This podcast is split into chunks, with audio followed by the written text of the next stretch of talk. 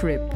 Hallo allemaal en welkom bij Roadtrip, de podcast op de digitale snelweg van Autofans, waarbij we elke twee weken een afrit nemen om te gaan sightseeën in het automobiele landschap. Ik ben Wim van Autofans en bij mij iets te hard uitgelicht dan goed zou zijn voor op een camera zit de immer goed gemutste Yves Wouters. Goedemorgen, of avond, of middag, of wanneer dat je dit ook beluistert of kijkt.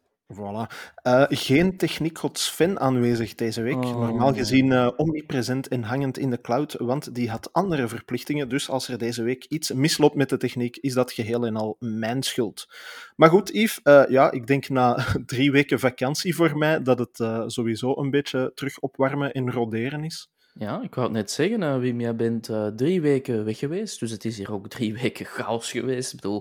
Pff, elke server heeft in brand gestaan en paniek, paniek, de koffiemachine werkt niet meer. Um, maar, er waren allee, geen kopiekjes meer en zo. Nee, voilà. Nee, voilà. En ik, ik heb mij iets mooi voorgenomen toen ik op een avond mezelf in, in slaap aan het halen was, omdat het allemaal zo moeilijk was zonder jou.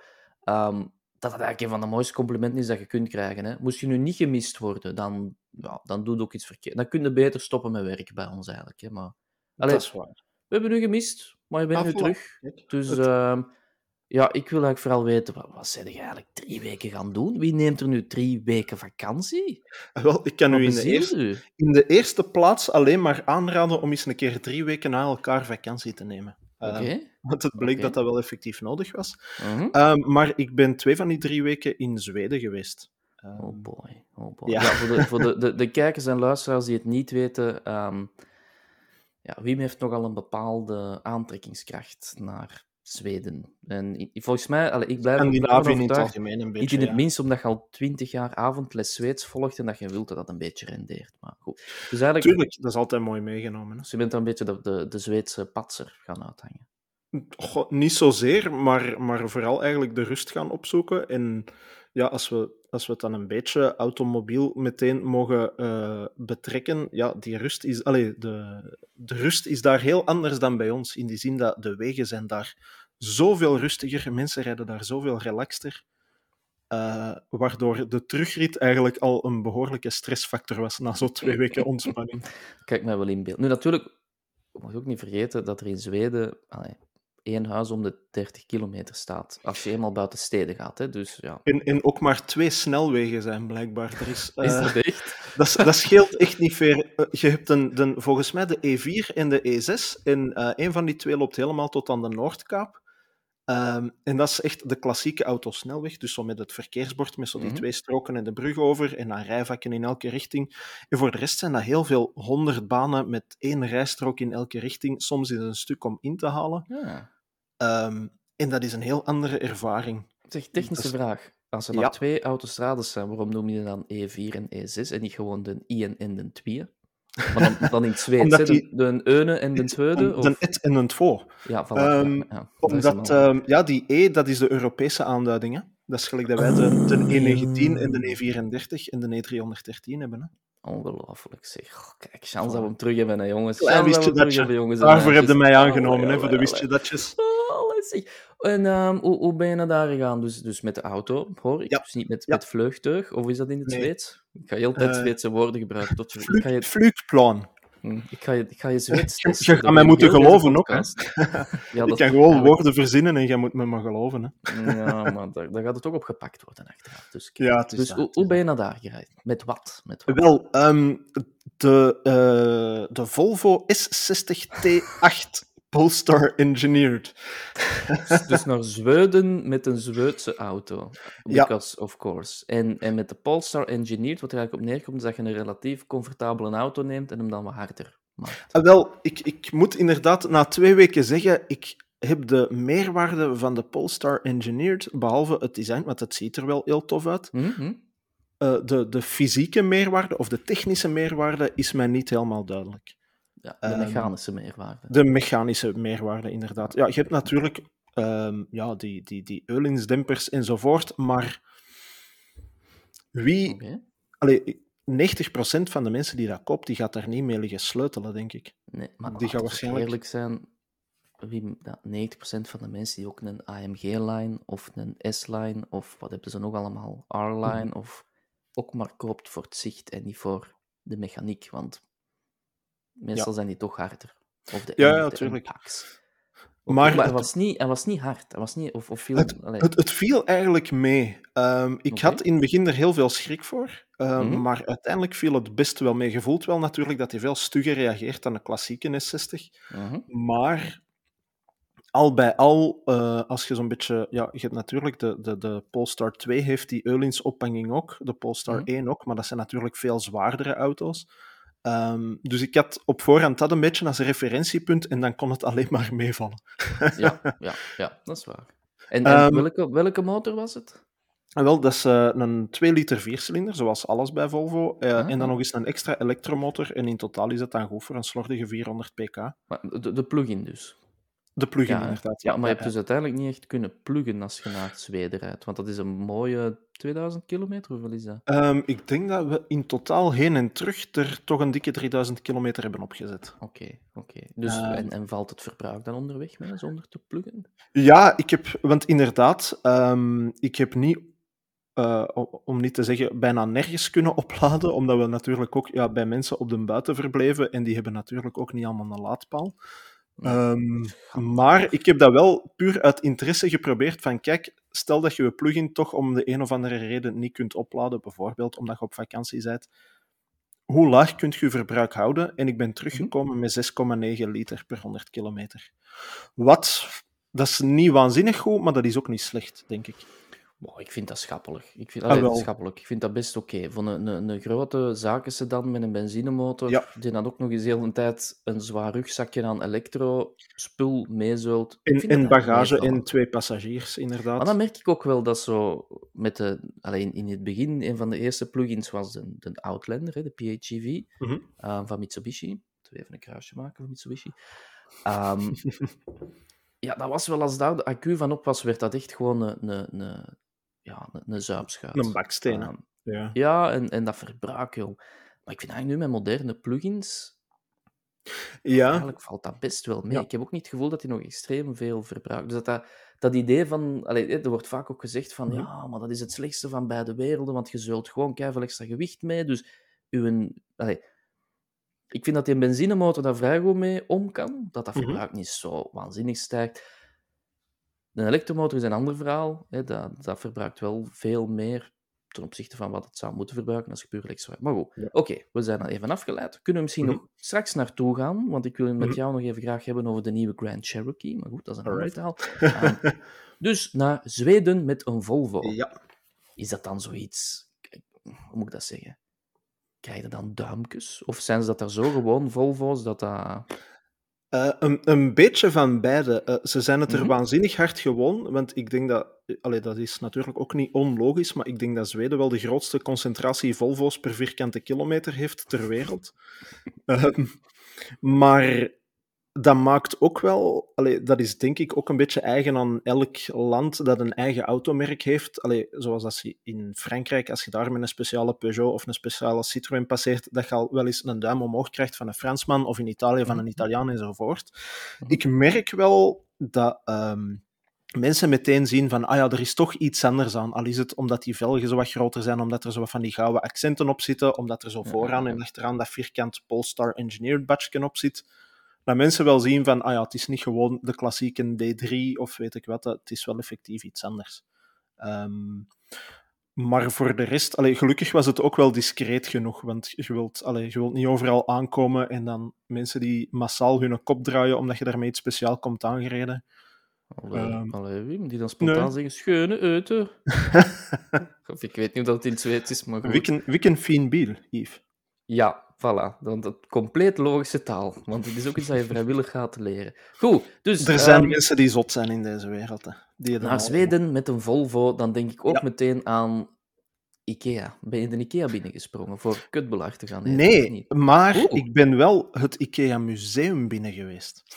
Want er bestaat, the een- er bestaat effectief een IKEA Museum in Elmhult. En dat is eh, de, de, ja, hoe noemen ze dat? De plaats waar IKEA vandaan komt, waar dat, dat in de jaren 50 is opgericht.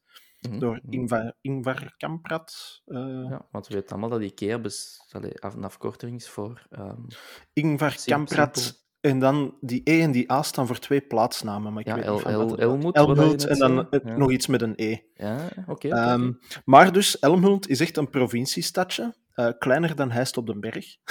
Om Excuseer. over provinciestadjes te praten. Excuseer, dat is een dorp. Maar goed, ga verder. Ehm, en dat ligt ook, als je daar naartoe rijdt, ja, je rijdt dus niet via de snelweg, want er zijn er maar twee. Je Mhm. rijdt via zo'n baan waar dat je meestal 100 mocht, soms 80, af en toe eindelijk eens een extra rijstrook hebt om de vrachtwagen voorbij te halen, eh, voorbij te rijden. Maar je rijdt dus al twee uur lang op dat soort wegen door de bossen, want dat cliché klopt ook wel een beetje. Als je dan... eh, de, de, want we zijn echt in het zuiden vertrokken, dat is een heel andere streek. Als je dan echt zo dat stuk verlaat, dan krijg je echt alleen maar bossen en meren en af en toe is een, een stadje en dan weer bossen en meren enzovoort. Maar dus na twee uur kom je effectief aan in Elmhult en daar draait alles echt rond IKEA. Dus de hoofdkantoren zijn daar ook. eh, er is ook een of andere fabriek, vermoed ik. Er is een klassieke winkel en er is ook een museum. En dat is heel geestig om eens te bezoeken, maar nu niet om te zeggen dat je daar speciaal voor moet omrijden als je Oh, staat er in het IKEA-museum? De allereerste Kallaxkast? Of hoe moet ik mij dat dan inbeelden? Ja. Eh, Nee, ze hebben daar vooral het, het, het meest interessante. Ze hebben natuurlijk heel het verhaal van Ingvar Kamprad en ehm, de ontstaansgeschiedenis van Mhm. IKEA en over hoe arm dat die streek daar vroeger was. Propaganda, voor de ja. wereldoorlogen, Mhm, mhm, Uiteraard. Ehm, maar dan, ja, gewoon heel de ontstaansgeschiedenis van IKEA en de evolutie van de catalogus ook. Dus ze hebben van elk decennium hebben ze de cover of een, eh een studio, zo gezegd, hebben ze opnieuw nagebouwd. Dus uit de jaren 50, 60, 70, 80 enzovoort. En dan Hmm. helemaal als kers op de taart kunt je een foto laten nemen van uzelf op de cover van de huidige catalogus. Dus ze hebben daar dan eh, het decor van de cover van de jaargang 2021 nagebouwd en je kunt daar dan zelf een foto in laten nemen. Wat we uiteraard ook gedaan Dus enerzijds hebben we mensen die naar Ibiza drie weken gaan feesten. en aan de andere kant hebben we Wim die vrijwillig naar Zweden rijdt om naar het, het museum van Ikea te gaan om een foto van zich te laten nemen op de cover van het huidige... hebben. Ja. Oh mijn god. wel- En er is uiteraard ook een gevonden? restaurant aan. En dat is waarschijnlijk het Oh. meest gezellige IKEA-restaurant ter wereld. Want dat is Mhm. eigenlijk heel, redelijk klein. Mhm. Ehm, en er is ook een winkel aan, uiteraard, waar dat ze heel veel dingen hebben die ze alleen maar in die specifieke winkel verkopen. En in geen enkele andere IKEA wereldwijd. Dus heb je een paar IKEA-exclusives meegenomen naar We hebben eigenlijk niks gekocht. Ah, dus helemaal naar daar gereden. Enfin, voilà. Maar we wijken eigenlijk wel af, hè, want dat heeft eh, niet zo heel veel met auto's meer te maken. iedereen droomt ervan om ooit met een Volvo naar Ikea te rijden. Om, om die, die helemaal vol Wat- te steken. Wat, wat we te wel hebben gedaan om in de wereld van de musea te blijven eh, en om ook binnen het thema van Volvo te blijven, is met de Volvo naar het Volvo Museum gereden. Dat hebben we Ah, wel. heb, heb je dan gratis toegang? Nee. Oh, dat is ook wel Maar dat is, het is ook geen astronomisch duur museum, dus dat valt dan ook wel Ah. weer mee. En dat Wat ligt is het dan, eh, iets 16 kronen? Of wat, wat, met wat betalen ze in Zweden eigenlijk? met kroon, inderdaad. Yes, yes. Voilà. Kennis Maar. In, Oké, in bijna elk Scandinavisch land betalen ze met kroon. Dus, eh, Het was een wilde gok. Het was een brekende gok. Ja, ja, ja. En, ehm, en was dat interessant? Het, het Volvo Museum. ah, wel, ik denk dat het een beetje jammer was dat we daarna het IKEA-museum hebben gedaan, want hoe interactief dat IKEA-museum was, hoe, zo statisch was het Volvo-museum eigenlijk een Het beetje. zou natuurlijk raar zijn dat je met al die auto's mocht rijden, hè, Wim? Maar, Dat is ja. iets anders, inderdaad. Maar ik denk dat er wel manieren zijn om zo'n automuseum een pak interactiever te maken. Eh, maar het was eigenlijk ja, gewoon. Hier staat ten eerste Volvo, hier begint de ontstaansgeschiedenis van Volvo op verschillende panelen uitgelegd. Dit zijn de eerste Mhm. Volvo-bussen en vrachtwagens enzovoort. En dan evolueert dat zoals maar verder. Ehm, tot eh, de conceptcars van een kleine tien jaar geleden. Dus het stopt Ah, echt ja. bij de vorige generatie eh, S60 en V60 zal dat dan geweest zijn, Ja. denk ik. En een S80 zelfs nog. Maar de huidige generatie, en dat vond ik eigenlijk wel een beetje jammer, stond daar bijvoorbeeld niet. Want je hebt die concept coupé van Mhm, mhm. 2013, denk ik. Dus hetgeen dat nu de Polestar 1 is geworden. Wat eigenlijk dan zo het, het, eh, het vertrekpunt was voor alle moderne Volvo's. Maar die stond er dan weer niet. Terwijl alle mogelijke conceptcars uit het verleden dan weer wel. Zou het ermee te maken hebben dat, ehm, dat dat ook net de periode is dat Volvo deel werd van Geely? En... Op zich niet, want dat wordt daar redelijk Hmm. open verteld allemaal. Dus Ah, ook, eh, stel dat er ongetwijfeld wel eens financiële problemen geweest zullen zijn, of dat ze niet zo heel gelukkig waren met de overname door Ford enzovoort, dat Mhm, staat er mhm. allemaal vrij eh, straightforward uitgelegd. Dus als je een fort hebt, mocht je niet parkeren. Je Dan moet dan moet je achter de noek parkeren en langs de, achter, de achteringang binnen. Ja, het merk waar we niet over praten, zo. Fjord. Goed. Maar wat wel heel tof was, was ehm, dat er een tijdelijke tentoonstelling over de P1800 was. Dus zo dat klassiek Ah, ja. Volvo coupéken uit de, Ja, uit de jaren ja, 60, ja, 70. ja, ja. Eh, dus dat was wel heel tof, vooral omdat ze daar, daar heel veel concept cars van hadden. Want ze hebben daar ook een soort shooting break van gemaakt ooit, Mhm. die vooral in de VS verkocht is, denk ik. Ehm, Maar blijkbaar hadden ze daar twee of drie verschillende ontwerpen voor. En al die ontwerpen stonden er dan ook. En dat was wel heel Hmm. tof. Alright. Ik ben, ik ben blij dat het heeft u goed gedaan. Ik zie het, ik zie het. Ja, Zeg, wel. in Zweden, dan denk ik ook aan zo aan lokale autocultuur. Ja. Ehm, en dan, dan gaat het bij mij over ehm, Volvo's die omgebouwd zijn tot tractor, die maar 45 rijden, waardoor dat dus jongeren onder de 16 of vanaf 16 met de auto al mogen rijden. Ehm, it's a thing. Mhm. En dan de Amerikaanse import, hè, zoals dat wij de, de, de, of, of Amerika de Japanse import heeft. Hè, de Nissan Silvia's en de Skylines zijn Zweden een beetje zot van Amerikaanse wagens. ja, klopt. Ehm, heb je dat daar zelf opgemerkt gezien? Dat je zo Dat iets is- hebt ingehaald door zoiets, iets, weet ik wat, jaren 70 American Muscle Car? Of... Eh, ah, wel, dat is heel frappant, want er zijn inderdaad twee, laat ons zeggen, nu ga ik heel eh, theoretisch klinken, maar twee stromingen in autocultuur in Zweden. Er is Mhm. inderdaad zo de chauvinistische cultuur, dus de Volvo's en heel veel Saabs ook nog wel. Ah, Eh, ja. In ja, Volvo-modellen eh, waarvan dat je niet eens wist dat ze bestonden. Dus zelfs pick-ups en zo, zo van die verbouwde brakes, waar dat ze dan Mhm, precies mhm, alles van achter de B-stijl hebben afgezaagd en er een laadbak van hebben gemaakt. Eh, want zo heb ik er wel ettelijke gezien. Dus Ah. ik vermoed, mensen mogen mij corrigeren of informeren, maar ik vermoed dat ze dat misschien wel effectief zo als productiemodel een tijd hebben verkocht, of als een soort aftermarket Ja. ding of zo. Ehm, en dat waren echt die heel hoekige jaren 80 Volvo's ook. Dus, ehm, mhm, mhm. En dan anderzijds heb je inderdaad die Amerikaanse cultuur. Hè. Dat is heel frappant. De, de heet dat blijkbaar. Eh, dat is zowel een soort hot rod cultuur, eh, Mhm. dus heel hard het verbouwen en het verlagen en zo van die rat rods en wat is dat allemaal, van die roestige Ja. eh, hot rods enzovoort, maar ook gewoon klassieke Amerikaanse auto's. En de eerste keer denkt je van, ah ja, tof, een Amerikaan. En dan zie je dat nog eens. En op de duur begint u dat echt op te vallen. En je ziet dat echt heel vaak. En bij mensen thuis in de hof en weet ik wat. En dat gaat echt van, ja, van die zelfgebouwde hot rods, die denk ik ook niet altijd even straatlegaal zijn, Mhm. Ehm, over eh, ja, de, de, de, de muscle cars en de pony cars. Hè. Eh, en dan Ja, zijn het heel zelden... dat- Ja? Ik vind dat we haak staan op het... Allee, ik, ik heb het altijd interessant gevonden, omdat als ik aan Zweden denk, dan denk ik Mhm. aan, aan sneeuw.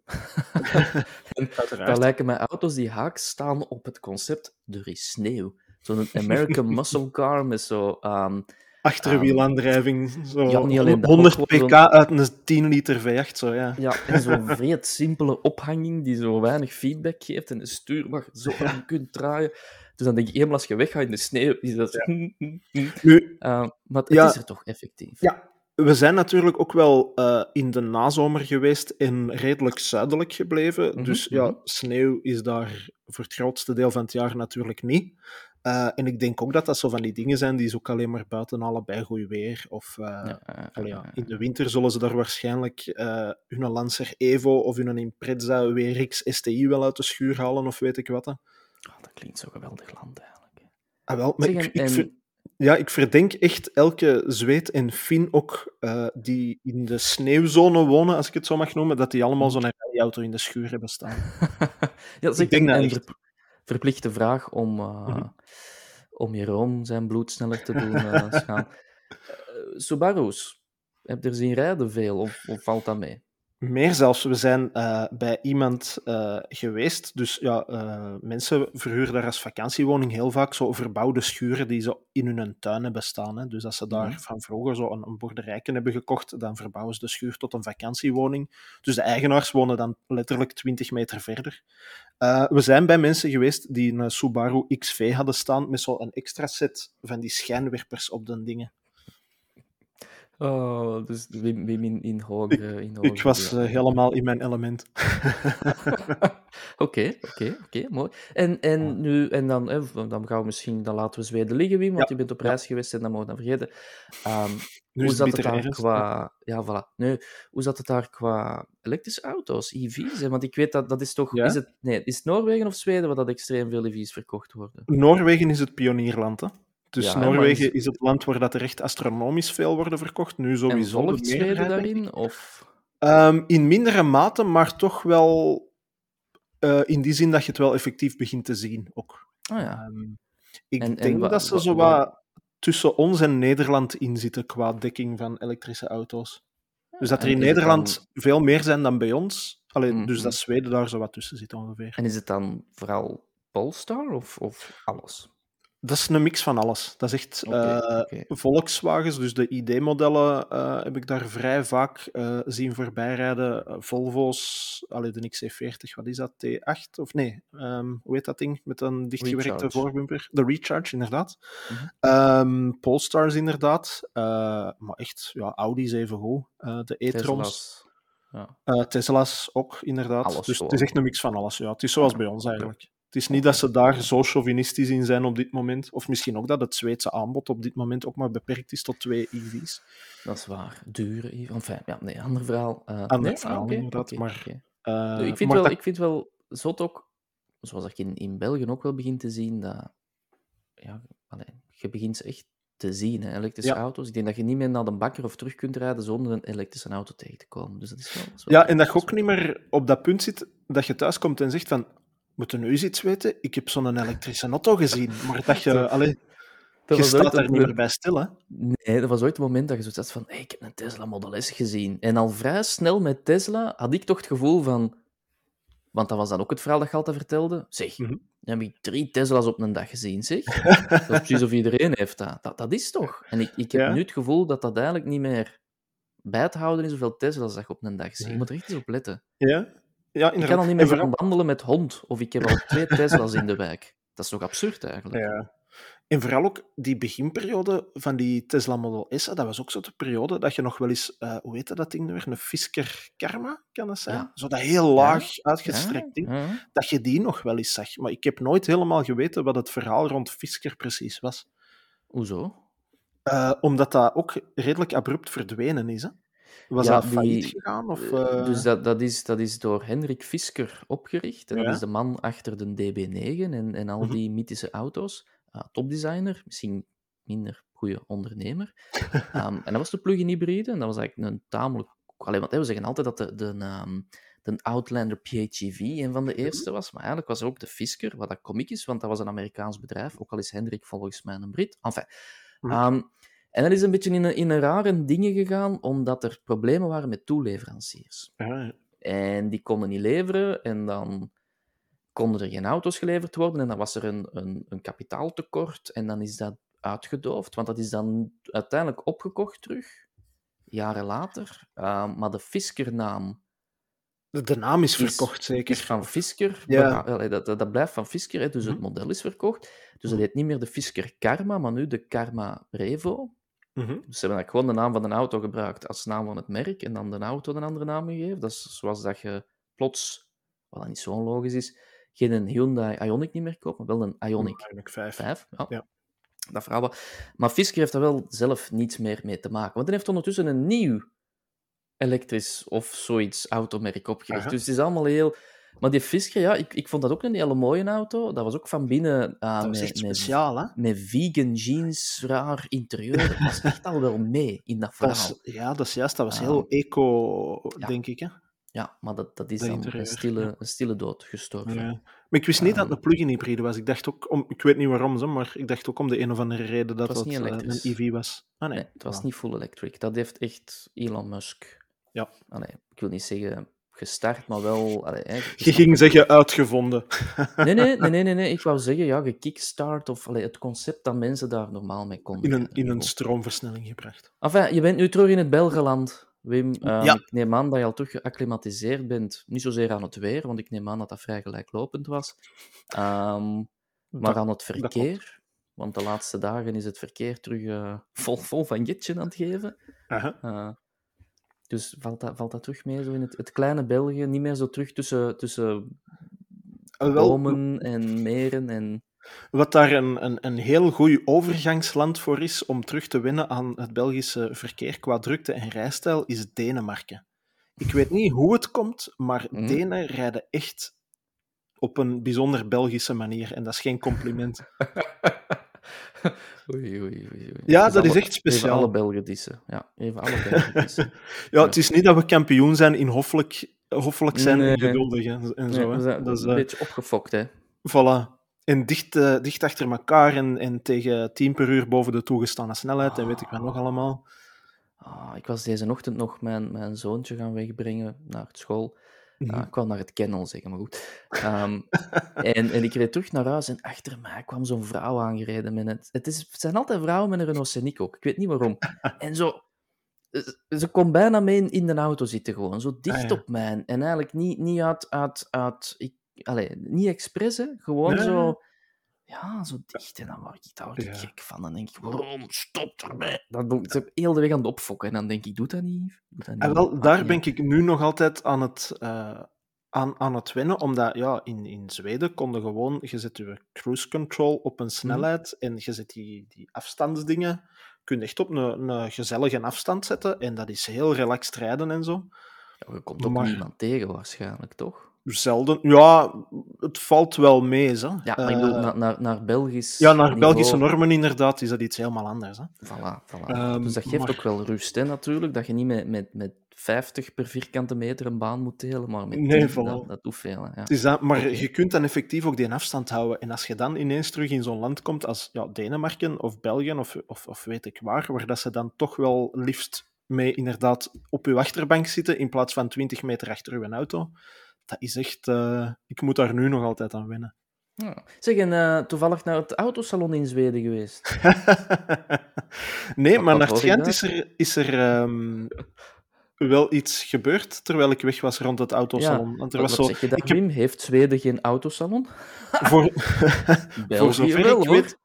Voor zover ik weet niet, alleen toch niet in, in, op het niveau van een, een, een Belgisch autosalon of uh, wat staan, een, Europees. Maar ik heb inderdaad de gewoonte om naar Scandinavië te gaan als er in de autosector zo iets groots aan het gebeuren is. Want bij Dieselgate zat ik in Noorwegen, toen dat volop losbarstte. En nu, bij de polemiek rond het autosalon of het al dan niet doorging, ja, was ik ook op. Ja, ja maar dus, gaat door. vat het eens samen, Yves. Wat is er allemaal gezegd en gebeurd? Oei, ja, het was wel, het was wel komiek, want ik had net die, die week um, mm-hmm. een aantal um, uitnodigingen en bezoekjes en, en perslanceringen in eigen land. En je, je, voelde, dat was tof om bij al die verschillende merken te komen. Zo, om, om, omdat, je, je voelde het wel wat. Um, ja, en Mazda had dan al gezegd van, wij doen niet mee. Um, mm. Wij gaan niet wachten. Ja, Dieteren zou, eh, dat vond ik dan wel komiek, zou gezegd hebben dat ze niet mee gingen doen met al haar merken. Hè. Dat is een importeur ja. van Audi, Volkswagen, Seat, Skoda, Bentley, Porsche, uh, Lamborghini. Cupra, uh, Lamborghini. Er zal nog wel iets missen, denk ik. Enfin, Bo de die allemaal. ah ja, ja, ja, dat gaat het salon nu niet make or break. um, ja, en dan was het het gevolg dat heel die Stellantis-groep, mm -hmm. met, met, met FCA en met um, PSA, dus Peugeot, Citroën, ja. Jeep, Alfa Romeo, we gaan, kunnen we nu verder gaan, ja, Opel, DS, um, die hadden ook gezegd van, ja, als Dieter niet meedoet, waarom moeten wij meedoen? Maar Dieter had ook nog niet gezegd dat ze niet gingen meedoen, dus het was -hmm. wat een twijfelgevalletje. Um, andere spelers zeiden ook van, ja, maar ja, als Dieter niet meedoet, en als Stellantis, hè, die groep, niet meedoet, doen wij ook niet mee. En dan kunnen veel mensen zeggen, waarom niet? Want dat is toch ideaal um, dat die grote groepen er niet zijn, ja, dan zeg ik meteen, en dat zeggen die merken ook, ga jij een ticket betalen om dan een Suzuki te gaan zien? Spijtig genoeg niet. En merken zoals Suzuki en SsangYong en, en allee, Kia zelfs, die moeten het eigenlijk hebben van, misschien Kia minder, maar goed, die moeten het hebben van, van ja, het salon waar dan mensen toch naartoe gaan. Ja. En die gaan eerst zien van een Tiguan, mm -hmm. zeg maar iets, en belanden dan bij Suzuki. En dan zien van, ah, maar wacht, ik kan zoveel auto krijgen voor, voor die prijs maar. Hè. Dus die hebben dat nodig, die passanten. Hè. Je gaat ja. niet vrijwillig naar een, een Sway zien. Um, dus ja, dat was zo'n beetje een raar verhaal. En ik merkte het ook. En, en bij Mercedes hadden ze een, een grappige bemerking gemaakt. Um, hadden ze gezegd van ja, wij gaan niet officieel. Hè, het, is, het, was, het was tussendoor, maar ja, bon. Um, hadden ze gezegd van ja, wij gaan onze, onze um, hoe, hoe, hoe, zeg je dat met een mooi woord? Ons, onze deelnamen aan het oudsalon laten afwachten van, de, van uh, het grote Suzuki. dat vond ik wel een grappige ook zo van. Ja, dat was dan blijkbaar in de groep gegooid van alle PR's en alle, alle merken. Van ja, we gaan onze deelname laten afhangen of Suzuki meedoet of niet. Zo, compleet absurd. Maar hè, dan, de mensen die, die um, het PR-team van Mercedes kennen, weten dat dat eigenlijk, nou, dat dat een doodserieus merk is, dat het Belgisch PR-team wel een beetje lolbroeken zijn. Ja, ja. Um, en of, dan is dus blijkbaar dat dossier van moeten we meedoen of niet, van die Stellantis-groep, tot op het bureau van Tavares beland, hè, de nieuwe CEO van het ja. merk, Ehm, van de groep. Mhm. En ja, toen was iedereen zo'n beetje unaniem van, kijk, heel simpel, een mens dat, dat internationaal een bedrijf aan het leiden is en een paar miljard moet besparen, en die krijgt op zijn tafel ehm, een document waar erin staat, meedoen met Oudsalon, vraagteken. Mhm. En eronder staat bottom line, dat kost ons zoveel miljoen, dat hij waarschijnlijk ging zeggen van, België, waar ligt dat? Ja. Kom jong, weg ermee. Maar dat is blijkbaar niet gebeurd. Blijkbaar Mhm. niet gebeurd. Ze hebben gezegd, nee, we doen dat. We doen mee. Waarschijnlijk ook omdat dat op een... Waarschijnlijk kost dat evenveel meedoen aan het kost veel geld, hè. Maar waarschijnlijk kost dat evenveel voor zo'n gigantische groep als het toiletpapier dat jaarlijks gekocht moet worden voor, weet ik wat, drie, drie van de fabrieken die er zijn of zo. Dus, allee, hè, ik snap het wel. Ja. Dus ja, nu zitten we met zo'n raar verhaal dat dus heel Dieteren niet meedoet Mhm. en Mazda. Volvo weet ik zelfs eigenlijk niet. Volvo niet. doet geen salon, het dus die, duiken, ja, dus die duiken ook niet op. Ehm, dus voor mij is het vooral belangrijk. Vorig jaar is het niet doorgegaan wegens COVID. hè. Reasons. Ja. En dan was de grote vraag van, is een salon nuttig of niet om de autoverkoop aan te zwengelen? Hè? Mhm. Dat heeft geen echte uitkomst gehad, omdat ja, we zitten gewoon ook met die, al die chiptekorten en leveringsproblemen. Dus er is niet echt een, een oorzakelijk verband naar het salon te brengen. Want ja, als je geen auto's kunt leveren en de bestellingen, en, en er zijn er die zeggen, we hebben eigenlijk veel bestellingen gedaan. Er zijn die zeggen, van nee, toch minder, of doorheen het Mhm. jaar. En ja, tijdens het salon was ook de periode dat de garages terug open gingen na een lange lockdown. Dus heel veel mensen zijn toen met saloncondities een auto gaan bestellen waarop dat ze een half jaar gewacht hebben, want ze konden gewoon niet naar de garage. Dus het, het, het beeld is helemaal vertekend geraakt om te Ja. bewijzen dat het salon nuttig was of niet. Mhm. Ehm, maar dat was vorig jaar. Wat ik dit jaar interessant ga vinden en hopelijk een antwoord op ga krijgen, is stel dat zo'n grote groep als Dieter niet meedoet met toch wel merken, als, als een Audi en een Volkswagen en een Skoda merken, wat dat heel veel mensen toch auto's van kopen en toch wel interesse in hebben. Ehm, als die niet meedoen, wat gaat een impact daarvan zijn op het bezoekersaantal van het Ja. salon? hè? Want we moeten daar niet flauw Ja, over doen. Het, het, het, de Heizel heeft elf ehm, zalen. Ik wil zalen zeggen, want het heeft een mooiere naam. hè. Pale- paleizen. Paleizen, oeh.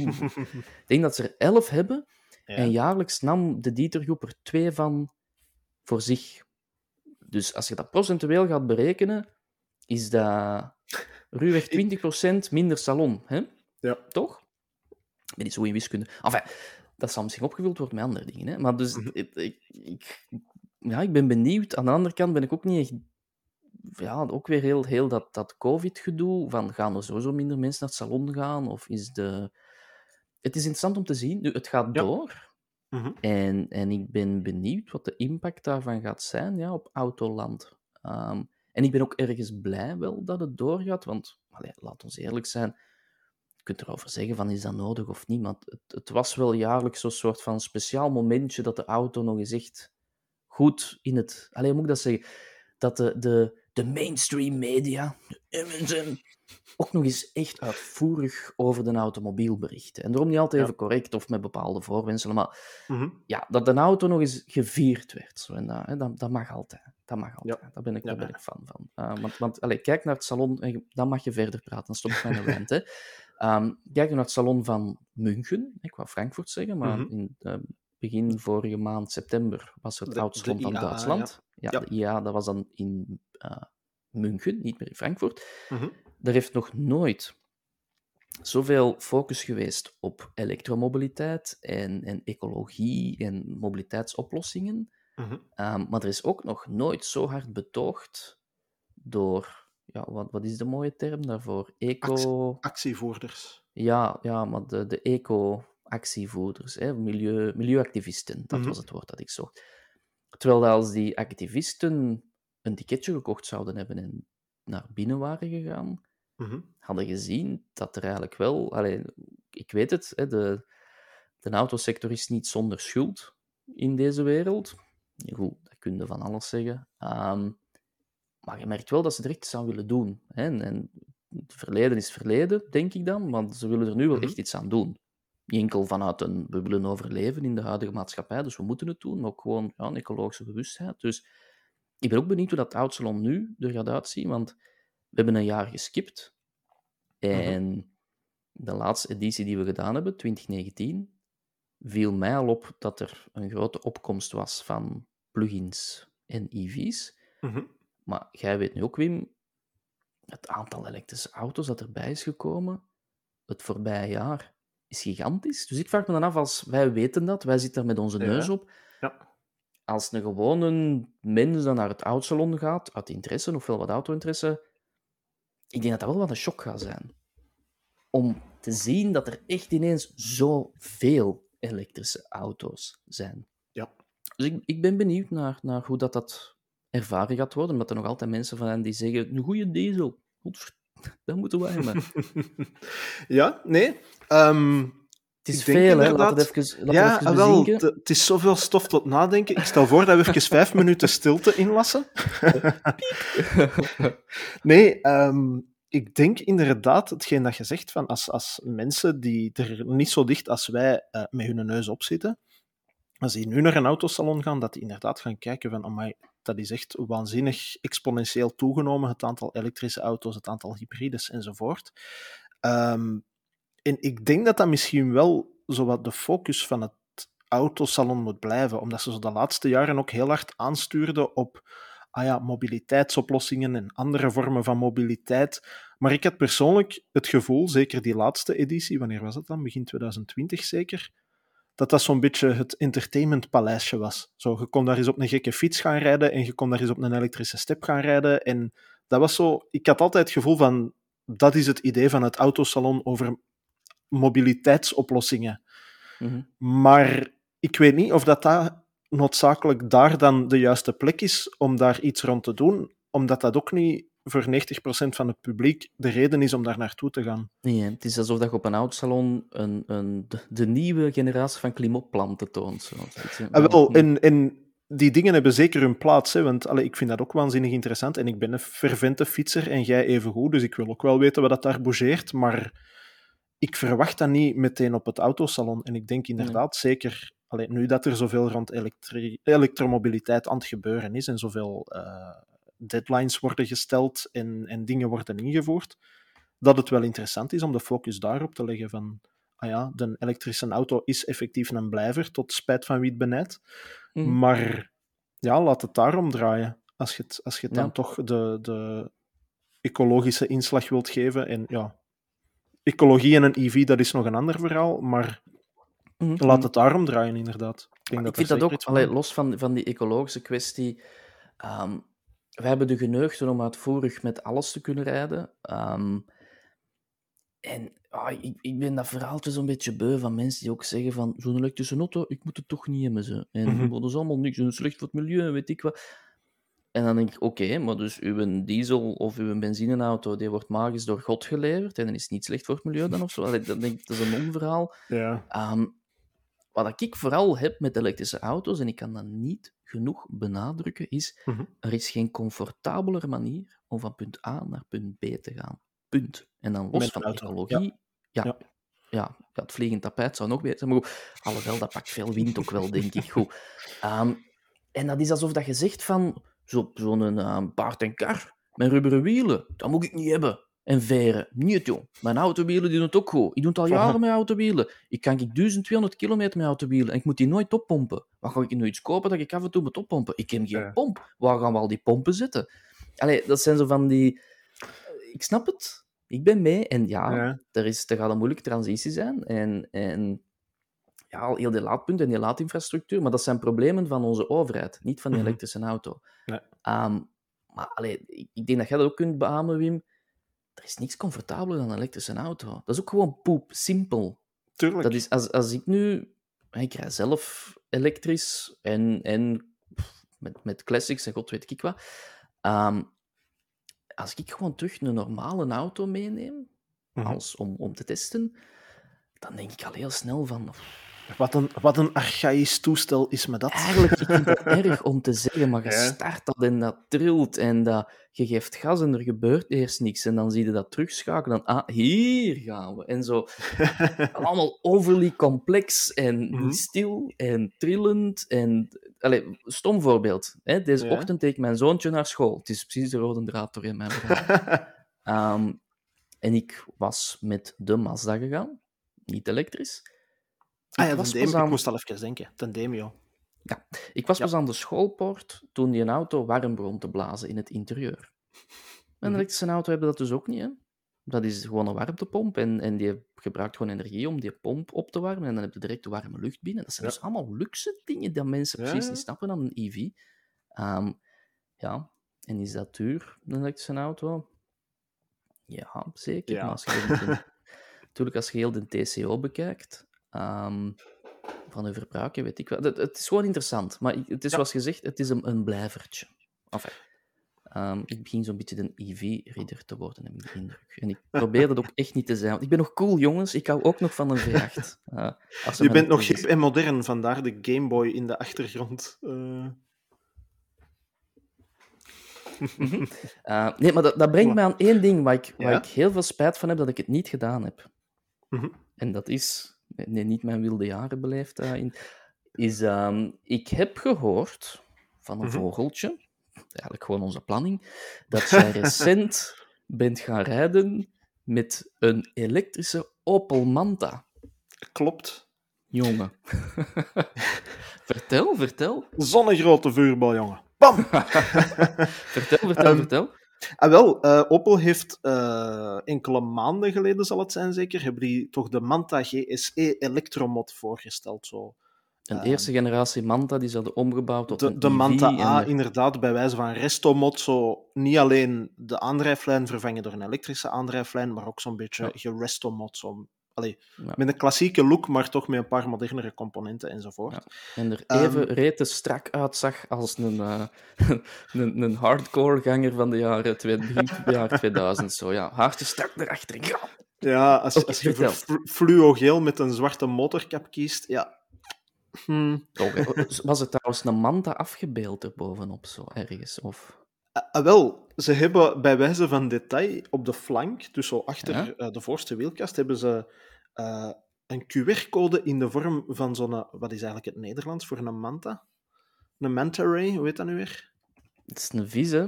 Ja, dat is een vis, hè? Hoe heet dat nou weer in het Nederlands? Ja, dan weten we het niet. Enfin, ga ver- Nee, ik zoek ah, het op, ga voilà. verder.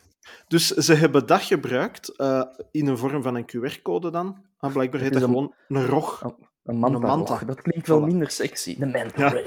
De Opel Oké. Manta rog.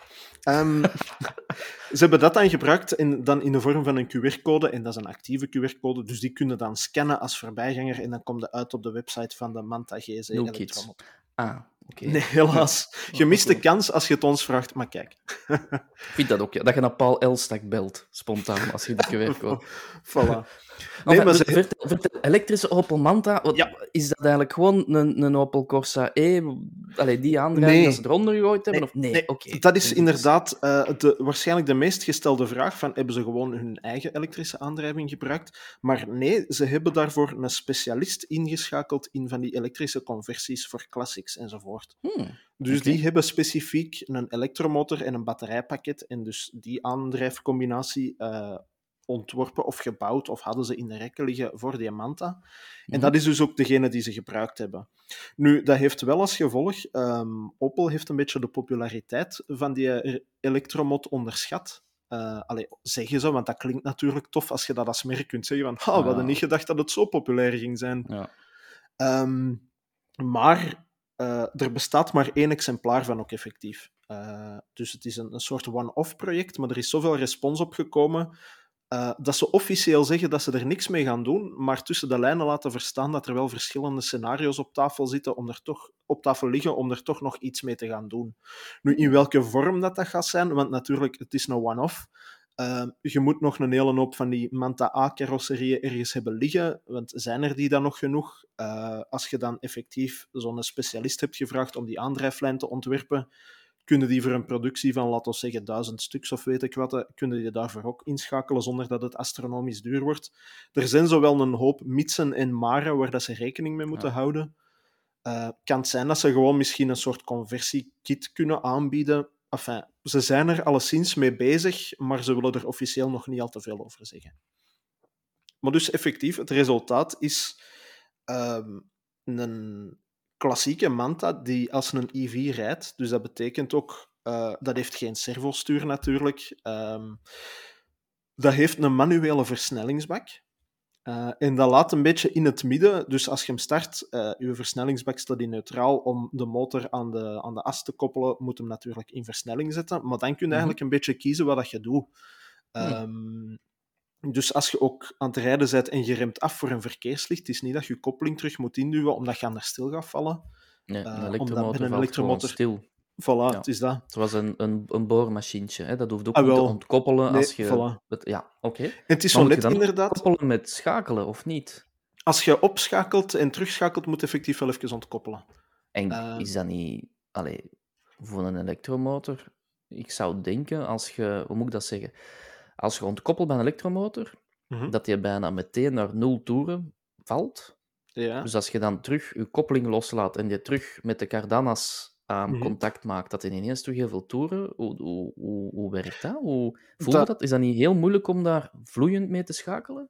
Dat valt eigenlijk heel goed mee. Het, het, het hmm. zwaarste tussen aanhalingstekens, zo gezegd, is gewoon de bediening echt van die versnellingsbak. Omdat dat echt nog de klassieke bediening is. Dus dat is zo'n heel vage bak waar dat je zo'n beetje moet schudden en voelen en hopen dat dat derde is en niet eerste. En zo. Dat gevoel heb je nog wel, maar de, de, de manier waarop dat die componenten samenwerken, dat gaat eigenlijk redelijk vloeiend. Want ze zeiden het, ook effectief ja, van, ja, uh, rijd er maar mee zoals dat je wilt. Je mag tegen rust in derde laten staan en dan kunnen alles doen. En dan merkte misschien wel dat hem in het begin wat trager gaat optrekken, maar dan zijn snelheid gaat maken, wilde je gewoon schakelen, gelijk een manuele auto, gelijk een klassieke auto, dan kun je dat ook doen. En ik heb me er wel op betrapt dat dat een heel hard ingebakken automatisme is.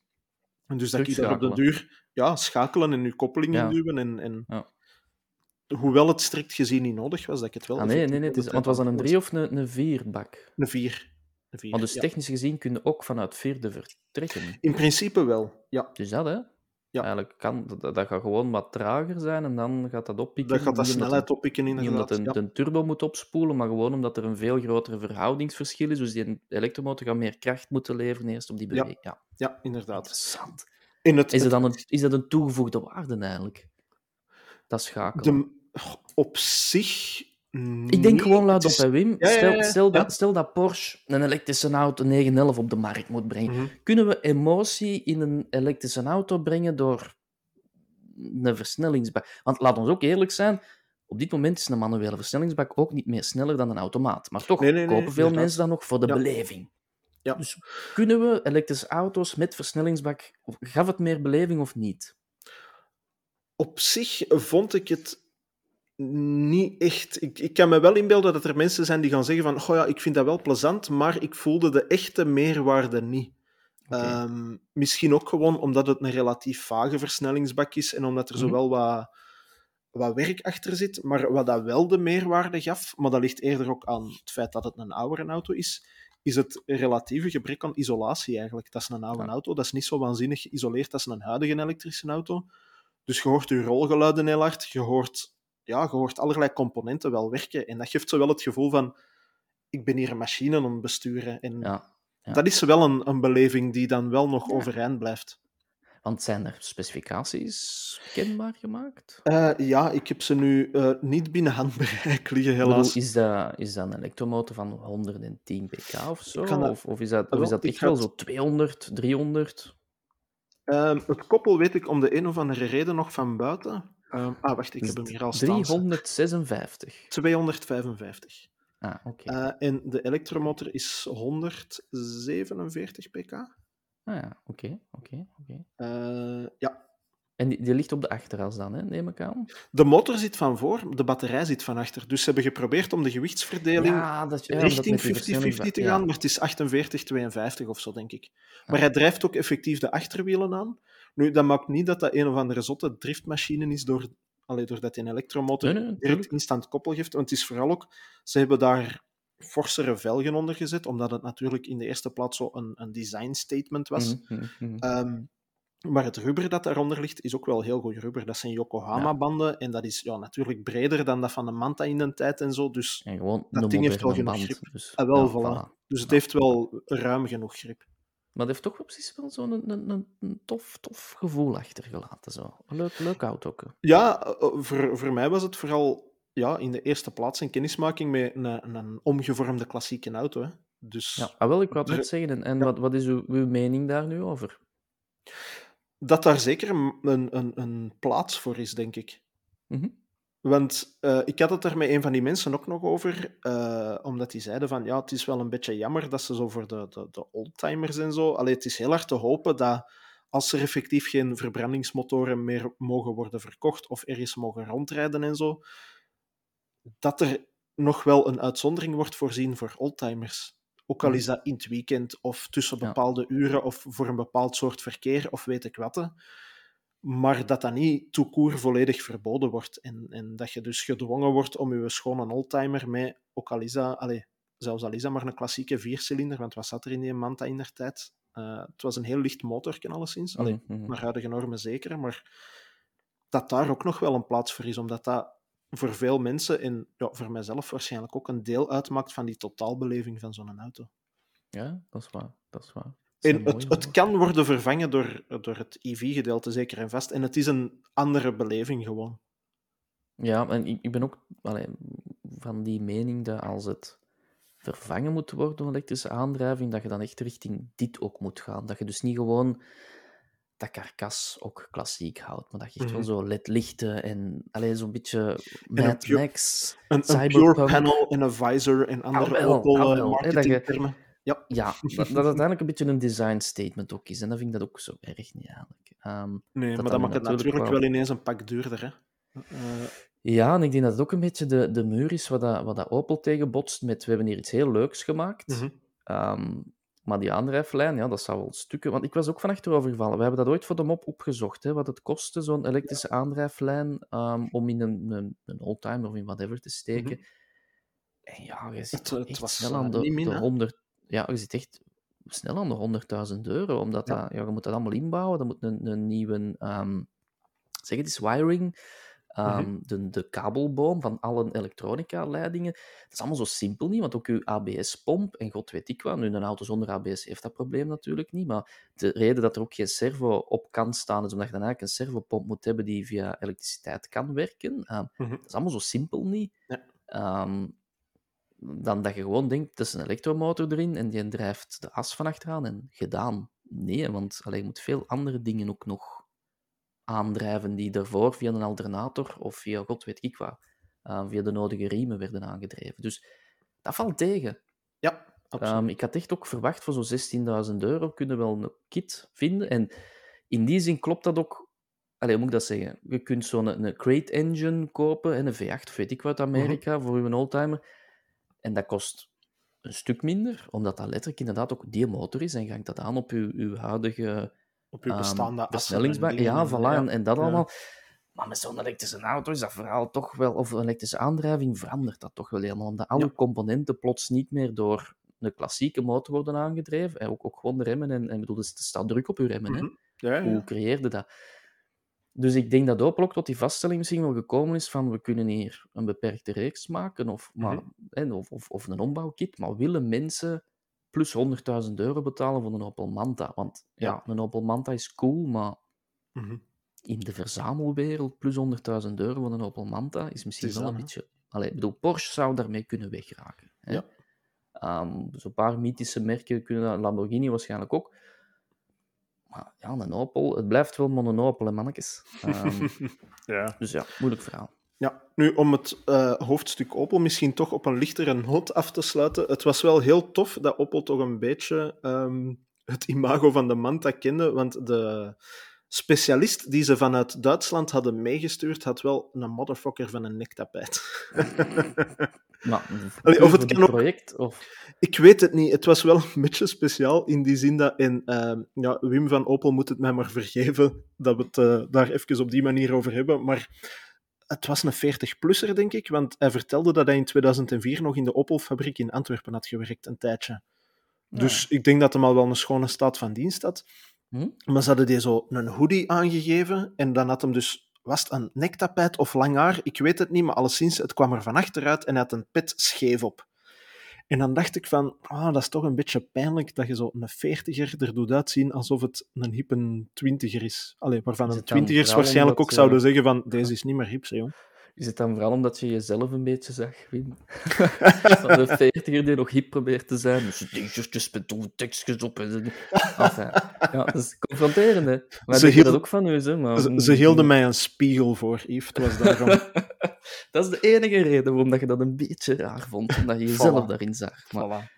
Oké, okay, nee, cool, cool, cool. Dus open ging all the way. Dat is mooi. Ja, ja, absoluut. Nu, um, ja, ik denk dat wij ze ook stilletjes aan richting het einde van deze, deze aflevering aan het komen zijn. Ik vind, ik vind dat mooi dat wij vanuit Zweden richting het autosalon tot bij Opel gelaveerd zijn. Een veilige rit hebben we afgelegd. Voilà, het is dat. Met een uh, veilige veiligheidsafstand tegenover onze voorliggers. Ook al is het eigenlijk ja, ook al niet meer echt nodig. We mogen elkaar toch zien en kussen. Maar ik zou het niet aanraden, ik ben heel ziek geweest deze week. Maar dat is een ander verhaal. Ja, kusje. Um, heb je een, een, een, uh, castratie voor mij deze week voorbereid, Wim? Ik heb uh, nog een defenestratie, nog een tweestrijd. Um, hmm. Maar ik was even aan het denken, maar misschien, ik denk dat we daar eigenlijk al uit waren. Um, of dat je als oldtimer echt een klassieker met inclusief verbrandingsmotor dus wilt. Mm -hmm. Of een, een soort elektromod. Dus zowel een restomod, maar dan met een goede elektrische aandrijving. Ik heb een, een heel Ik denk dat we er juist al een beetje uit waren, maar... Ik heb een heel pijnlijk besef gehad, gekregen de voorbije periode. Um, alle periode. Dat mhm. ik eigenlijk wel een beetje een comfort, lelijk woord, vrouw van lichte zeden ben. Um, en ik merk ook dat de auto's die ik koop heel vaak al oudere auto's zijn, die alsnog stoelverwarming hebben en cruise control en zo moderne dingen, zoals ja, ja. ramen die elektrisch naar beneden gaan. Um, dus dat ik helemaal pro ben om zo een classic car met moderne... Daarom, alleen zo, zo Roof en, en, en Singer, mm -hmm. ja, ik voel dat wel. Ik voel dat wel. Ook nu, ja, Roof heeft natuurlijk geen EV's, hè, maar... Nee, maar die, die, die upgraden wel het interieur en zo met moderne technologieën. En zo. Comfort, voor mij draait het mm. vooral rond die comfortsnufjes. Ik vind dat ah, sommige classic cars echt heel... En ik vind dat veel mensen dat ook moeten toegeven. Nu ga ik iets heel gemeen zeggen in de laatste twee minuten van deze podcast. Voilà, schoffeert nog eens iemand. Ja. Kom aan. Allee, zijn nou eens even eerlijk. Iedereen met zo'n oude 911 -huh. Dat is natuurlijk een klootnotto mee te rijden. Hè. Sorry, man. die motor ligt op de verkeerde plek. Die, die watt komt precies van een tractor. Dat is, dat is, dat is eigenlijk... Ik snap dat. Iedereen zegt ook van, dat, is, dat heeft karakter. Je moet dat leren. Maar dat is alsof dat je een zaag gebruikt die bot is. En zegt, maar dat heeft karakter. Je moet weten welk puntje... En als dat dan juist goed zaagt op die moment, dan heb je het. En dan zijn in symbiose met je zaag. Ik snap het. Maar... Nee, 90% van de tijd vloekt erop, maar die 10% dat dat goed zaagt. Maar dat, dat, ik vind dat zo'n beetje... Dat is dat, dat je zelf pijn wil doen, maar goed. Um, ja. Dus ik, dan denk ik ook... Ja, volgens mij worden heel veel klassieke auto's heel veel beter met moderne technologieën. Ja. En dat start dan met banden en dan kun je verder, verder blijven gaan tot stoelverwarming. en, en dat is ook een reden dat, dat, dat Porsche van die, van die oude bekkers um, ja radio's verkoopt met navigatie erin, een mm -hmm. Apple CarPlay en Android Auto. Hè. Er zijn gewoon moderne technologieën die beter zijn. Ja. Um, dus vooral van het verhaal, een oude Porsche, ik vind dat eigenlijk de 911, ik vind een afschuwelijke auto mee te rijden. Um, moest Porsche meeluisteren, prove me wrong, en neemt mij mee en, en stuurt mij op Porsche Camp. Strafkamp wou ik eerst zeggen Porsche, Porsche Camp. dat is misschien een beetje raar voor een Duitse merk, maar... Mm -hmm. Dus ja, ik ben helemaal pro om, om dat ja, om, om wat moderne snufjes. En ja, een, een- ik vind dat, je, allee, dat iemand eens het lef moet hebben om een elektrische 911 te bouwen. En een, een classic 911. Waardoor dat die zware motor, allee, zwaar, gewoon hè, relatief het, het Ja, ja, ja. gewicht verplaatst wordt. Om dat gewoon eens te zien, rijdt dat leuk? Mhm. Als in leuker of hè, minder dat het u wilt vermoorden. Kijk, voilà, dat is, dat is mijn, mijn visie daarover, Wim. Alright. Dat, eh, dat is een mooi betoog, Yves. Nu ben ik eens benieuwd wie dit gehoord zou hebben en wie kwaad van wordt. Alright. Ben je geschoffeerd door dit eh, exposé van Yves? Laat het ons dan weten en zeg maar waarom hij ongelijk heeft. Of ben je het er volledig mee eens? Laat het ook weten. Ehm, dit was in elk geval een roadtrip voor deze week. Over eh, twee weken zijn wij er opnieuw en dan is het weer tijd voor een gast. En als mijn geheugen mij niet in de steek laat, wordt dat iemand bijzonder, want het schijnt de enige Belg te zijn die voor Veilinghuis Bonhams werkt. Mhm, Dus als mhm. dat niet lekker exclusief wordt... Dan gaan we daar eens klappen over oude Porsches. Ja. Voor rot Zeg, dat dat ze- elektromotor. Zou dat ik zijn? Wat is dat? Wat, wat verkupt er? Ik snap niet dat je dat veilt. Zo van die oude auto's, dat redt voor je de Dat meter, toch, jongens. dat dat- toch niet, alle jongens. Schaf dat af. Oké, enfin, goed. Dag. Voilà. Dus En- bij deze was dit roadtrip voor deze week. Tot over twee weken. Dag.